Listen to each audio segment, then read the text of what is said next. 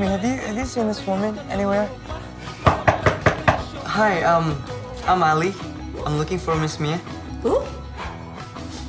Dulu mama kamu tinggal di sini. Ini ada di dalamnya. Mau tinggal di mana? Hotel aja sih paling.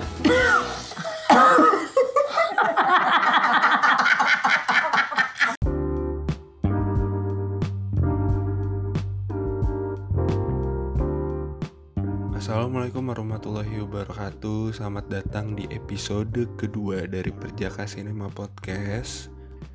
Sebelumnya gue mau terima kasih bagi yang udah dengerin di episode perdana kemarin. Um, Bisa dicek aja di Spotify-nya gue ngebahas apa gitu ya. Tapi langsung lanjut nih kita ke episode kedua. Gue bakal bahas dan ya review. Sebenarnya bukan review sih karena gue nggak bakal um, ngasih skor atau apa pun itu gue cuma mau bahas filmnya apa yang gue suka dan gue nggak suka. Dan film uh, yang bakal gue bahas untuk episode kedua ini adalah film yang baru rilis banget mungkin minggu lalu ya. Minggu lalu di Netflix uh, judulnya adalah Ali dan Ratu Ratu Queens.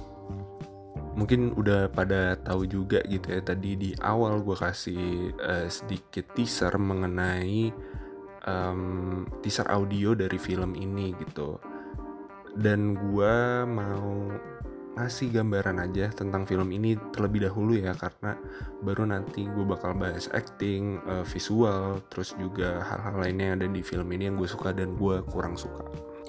Jadi untuk film Ali dan Ratu-Ratu Queens ini cerita atau premisnya itu adalah ada seorang remaja bernama Ali dia tinggal di Jakarta uh, udah mau kuliah lalu dia berangkat ke New York buat nyamperin ibunya dan nyari ibunya yang selama ini uh, dia nggak pernah ketemu gitu karena waktu dia masih kecil ibunya pamit ke New York buat dalam tanda kutip mengejar karirnya dia gitu.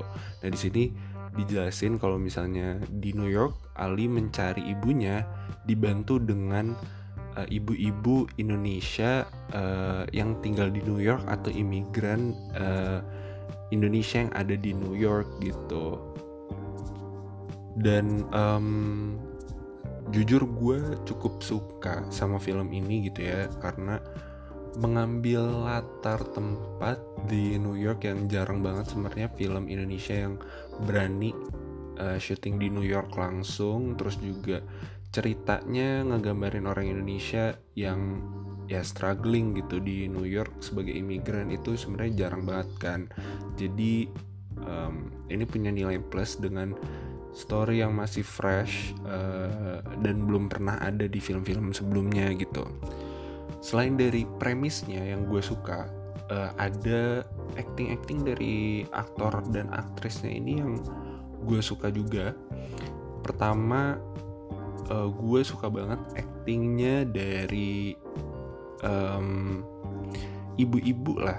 Si ratu-ratu queens ini menurut gue sangat lucu. Terus juga uh, kalau misalnya punya karakter nih beberapa karakter ini punya karakter tersendiri itu berhasil sekali digambarkan. Dan gue bisa memisahkan antara keempatnya ini tuh emang punya karakter masing-masing yang bisa dibedakan gitu.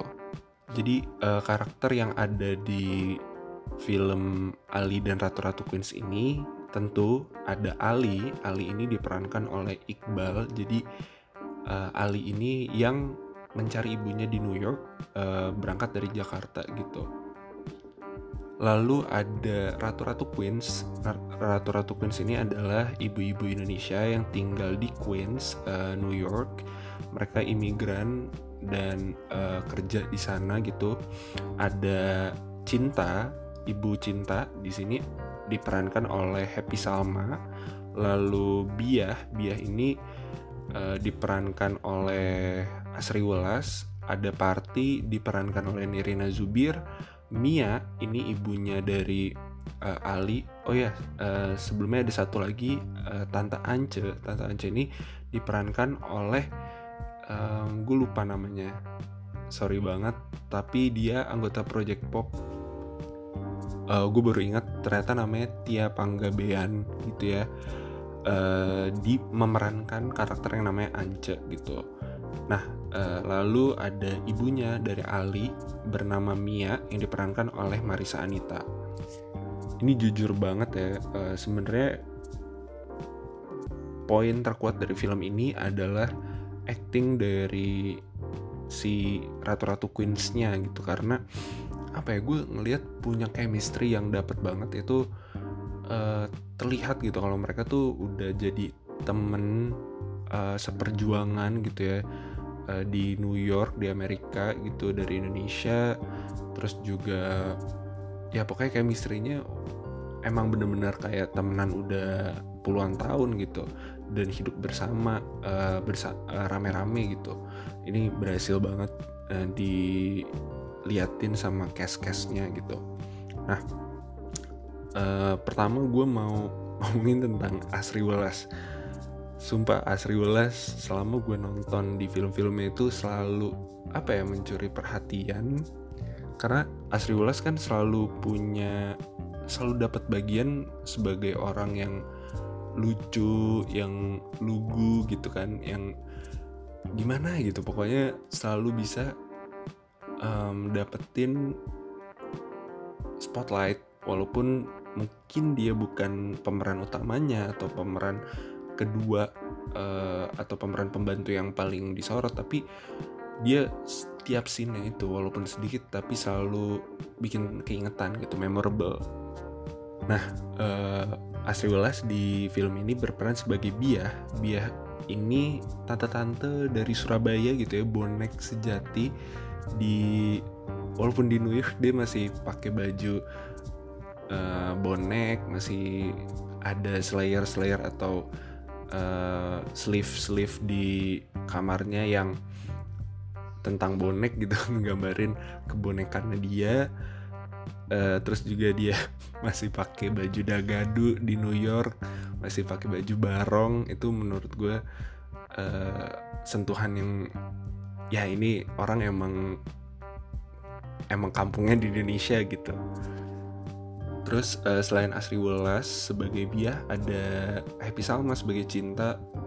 Ini gue ngelihatnya mungkin cinta ini kan emang digambarinnya tante cinta ini sebagai apa ya sebagai apa sebutannya? Mungkin hippie hippie yang apa ya aneh gitu percaya akan cakra terus um, arah mata angin yang bagus dia orang-orang kayak gitu. Nah itu ngingetin banget. Ini mungkin jadi inspirasi juga bagi penulisnya Gina Esnur gitu ya. Ini ngingetin gue ke Phoebe Buffay di serial Friends gitu. Itu mirip banget karakter kayak gitu. Uh, dan berhasil banget sih Happy Salma uh, nunjukin karakter yang harusnya kayak gitu uh, berhasil gitu lalu setelah Tante Cinta itu ada Tante Party Tante Party ini diperankan oleh Nirina Zubir. Uh, di sini tante partai ini salah satu yang bisa dibilang jadi ketuanya karena dia yang bisa netral ke semuanya bahkan ke uh, ibunya Ali yang mungkin apa ya nggak tahu malu gitu dia masih bisa netral gitu di sini uh, Nirna Zubir juga aktingnya bagus cukup menggambarkan karakternya gitu. Terus anggota terakhir dari um, Ratu-Ratu Queens ini namanya Tante Ance yang diperankan oleh uh, Tika Panggabean.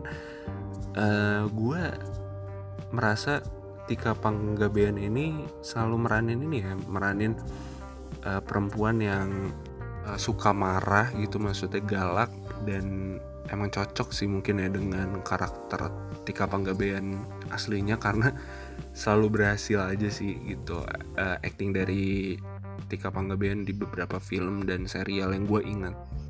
Lalu uh, case selanjutnya ada Mia yang diperankan oleh Marisa Anita.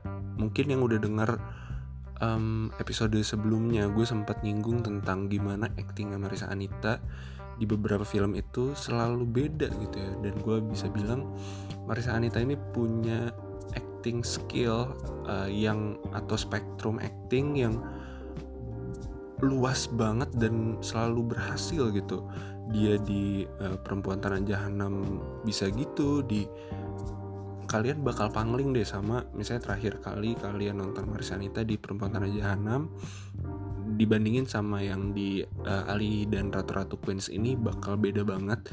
Di sini kelihatan kalau Mia ini tuh nyimpen berbagai luka, berbagai beban di dalam dirinya gitu sampai um, ya dia sampai nggak sampai bisa ngelupain itu kelihatan banget gitu.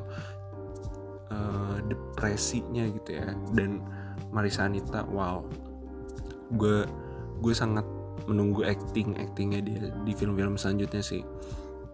Ngomongin tentang acting uh, setelah tadi Marisa Anita ya yang bagus banget aktingnya di sini gue mau ngomongin tentang aktingnya Iqbal um, gimana ya? Um, gue biasa aja sama aktingnya Iqbal di sini.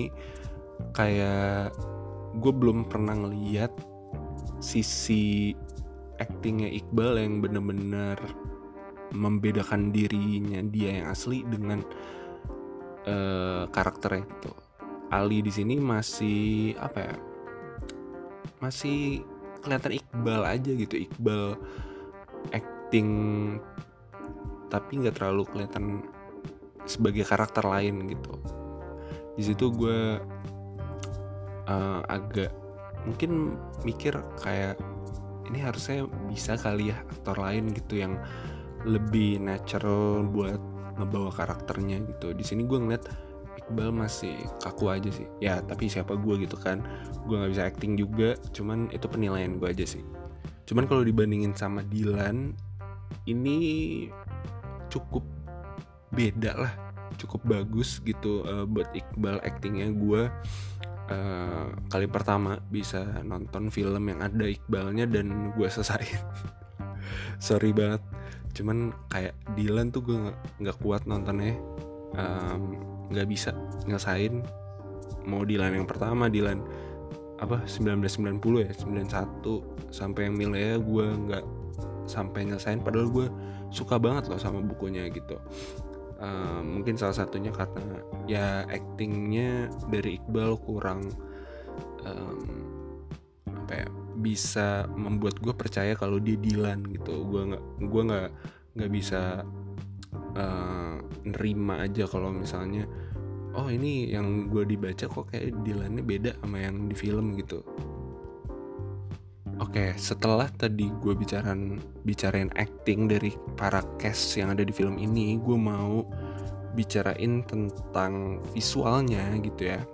Dari visual uh, di film ini gue pertama kali nih lihat film Indonesia yang uh, berlatar di di luar negeri dan uh, cukup apa ya bisa dilihat cukup profesional gitu angle-anglenya um, pengambilan gambar itu kelihatan banget kalau misalnya um, film ini bukan film yang oke okay, yang penting kita syuting di luar negeri gitu.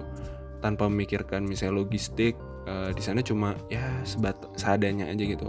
Dan ternyata emang benar di sana uh, saat syuting film ini di sana bener-bener profesional kayak uh, syuting film di Indonesia gitu ya. Uh, dan gue bisa ngeliat itu sih. Ini dari visual bagus banget. Gitu. Uh, terus juga dari um, color paletnya gue suka. Gitu. Uh, colorful dari ratu-ratu queensnya. Itu sangat menggambar karakter mereka juga. Ada yang galak, yang rocker gitu ya. Kayak uh, Tante Ance, terus ada Biah yang bonek sejati, mania, um, terus cinta yang hippie hippie gitu, uh, pakai warna-warni, berusaha dengan cakra dan segala macem. Ini cukup terlihat di sini sih dengan pemilihan kostum dan color palette yang ada. Tapi tapi setelah tadi uh, gue bicarain acting dan cerita visual yang cukup bagus lah di sini ada beberapa hal yang kalau dilihat-lihat kalau diteliti ya mungkin kalau kalian nonton aja gitu uh, oke okay, masih bisa diterima. Cuman kalau kalian teliti lagi kayak kurang make sense gitu ya. Ada beberapa poin di mana oh kayaknya nggak gini deh harusnya uh, kalau di luar negeri gitu. Uh, contohnya ketika Iqbal memutuskan untuk kuliah gitu ya tanpa ada persiapan sebelumnya kan uh, ceritanya itu Iqbal berangkat ke sana cuma buat nyamperin ibunya terus pulang. Uh, tapi ternyata ya ini spoiler lagi. Uh, tapi maksudnya uh, ketika Iqbal mencoba memutuskan sesuatu di Amerika itu kayak nggak make sense. Karena dia nggak punya berkas dan segala macam gitu. Ada beberapa hal yang kurang make sense. Mungkin itu um, salah satu yang bisa disorotin karena gue tahu Amerika Serikat itu punya um, udah ini spoiler aja deh spoiler alert pokoknya gue susah ngegambarinnya gimana. Jadi ceritanya itu uh, Ali ingin sekolah di sana gitu. Tapi tanpa persiapan dulu nih sebelumnya kan um, ceritanya itu dia ke sana tanpa persiapan sama sekali kan gitu untuk nyamperin ibunya aja dia persiapannya kurang apalagi untuk sekolah di sana gitu. Dari mungkin akte kelahiran dia nggak bawa terus juga nggak dijelasin juga apakah dia emang lahir di sana uh, warga negara sana gitu. Atau um, dia ini punya udah punya visa buat pelajar di sana gue nggak paham gitu. Makanya di situ gue gue bilang kurang make sense. Dan juga di sini uh, yang kurang make sense adalah nggak tahu sih ini gue missing out the detail atau enggak tapi gimana si Iqbal ini bisa tahu informasi kontak dari ibu-ibunya gitu. Ibu ibu ratu-ratu queensnya ini uh, temen dari ibu-ibunya ibu-ibu nggak tuh ibunya Ali yang dulu uh, teman-temannya dari Mia gitu. Nah itu gue belum bisa menerima sih kenapa bisa gampang banget dapat kontaknya dan tahu alamatnya segala macam gitu. Dan kebetulan banget tiba-tiba langsung ketemu empat ibu-ibu Indonesia yang ada di Amerika gitu. Itu uh, sangat koinsidental banget sih gue perlu mungkin sedikit detail uh, eksposisi gitu ya tentang kenapa dia bisa ketemu gitu dan uh, kenal dengan ibu-ibu ini gitu. Tapi um, meskipun dengan ketidak make sense-an itu gue ngomong apa sih ketidak make sense-nya itu uh, masih bisa lah diterima walaupun gak sepenuhnya karena chemistry antara Iqbal dan ibu-ibunya di sini cukup bagus dan um, bisa ngegambarin aja sih gimana ibu-ibunya ini sangat sayang sama Ali gitu ya sama Iqbal di sini. Um, bisa kelihatan aja sih gitu benar-benar care dan ya mau ngebantu gitu. Meskipun awalnya emang punya motif lain gitu ya cuman uh, at the end of the day mereka benar-benar sayang dan mau jadi figur dalam tanda kutip ibunya Ali uh, yang asli gitu.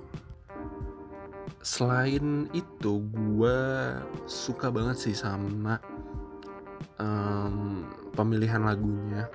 Gue sangat suka gimana uh, lagunya itu ditempatkan di yang um, scene-scene yang emang cocok buat lagunya. Nggak cuma uh, asal pakai dan ditempatin asal-asalan gitu ya di uh, scene uh, di filmnya gitu.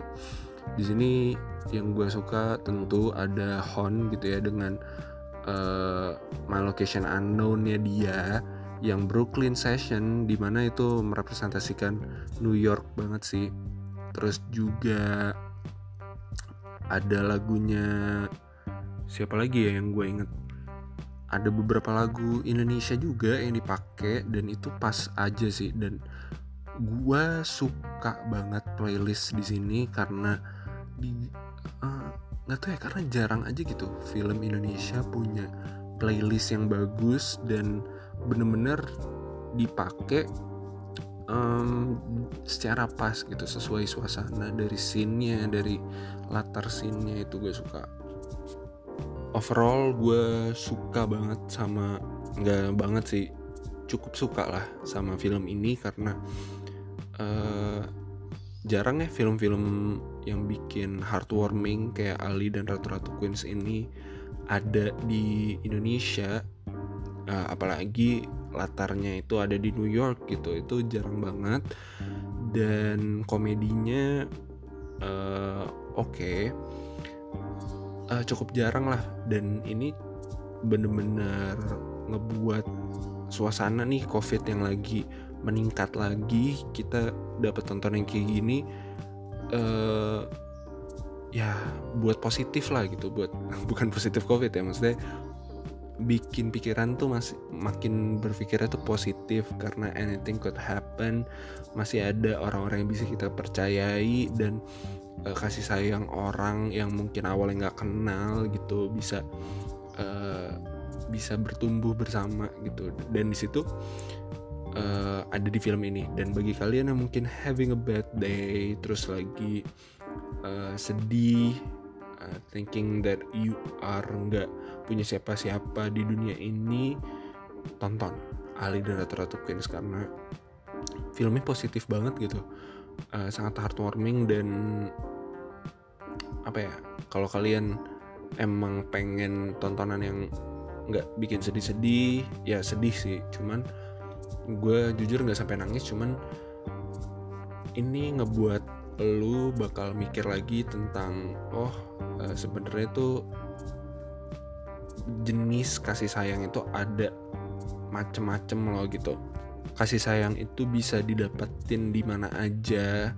Dan juga em, jangan ngerasa kalau kalian tuh nggak dihargain atau nggak disayangin sama siapa pun gitu. Karena pada dasarnya eh, di film ini pun dijelasin kalau lu tuh masih bisa disayangin sama orang lain meskipun eh, lu nggak disayangin sama orang tua lu gitu sekalipun. Di sini eh, dijelasin dengan baik eh, pesan tersebut gitu.